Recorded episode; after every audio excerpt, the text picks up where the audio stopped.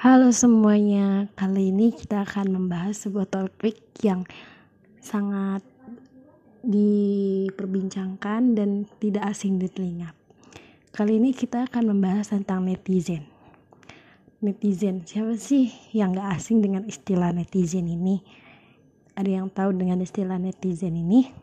Ya, netizen ini adalah orang yang aktif di media sosial dan netizen juga orang yang paling berpengaruh di dalam media sosial.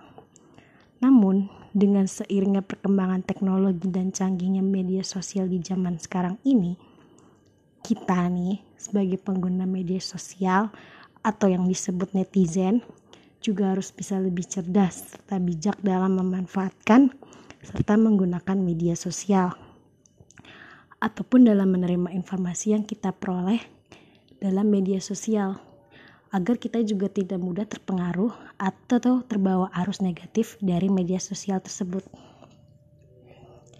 Nah, kita juga sebagai umat Katolik juga harus pandai dalam menggunakan media sosial nih dan juga bijak karena dalam pesan Paus Fransiskus pada hari komunikasi sedunia ke-55 ini ingin menyampaikan bahwa kita harus melihat secara langsung segala tantangan untuk datang melihat sendiri peristiwa-peristiwa dari dekat dan mengalami langsung menjadi semakin nyata. Paus Fransiskus juga mengajak seluruh umat Katolik berani menjadi saksi kebenaran untuk pergi melihat dan berbagi.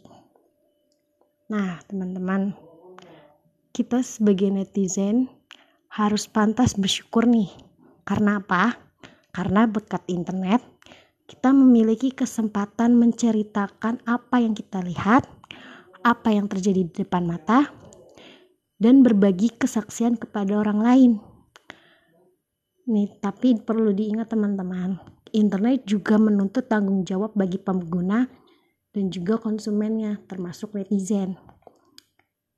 Informasi yang disampaikan melalui internet sering kali mudah dimanipulasi dengan berbagai alasan.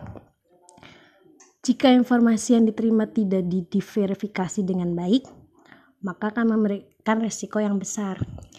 Jadi kita juga harus bijak teman-teman dalam menerima informasi dari internet, jangan asal menerima ya.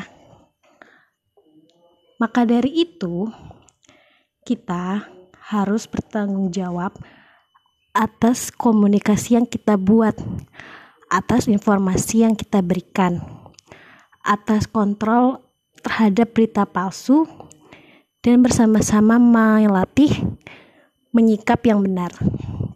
Jadi teman-teman dalam pesannya Paus Franciscus ini, kita dipanggil untuk menjadi saksi kebenaran, untuk pergi, melihat, dan berbagi. Semoga bermanfaat teman-teman. Dadah.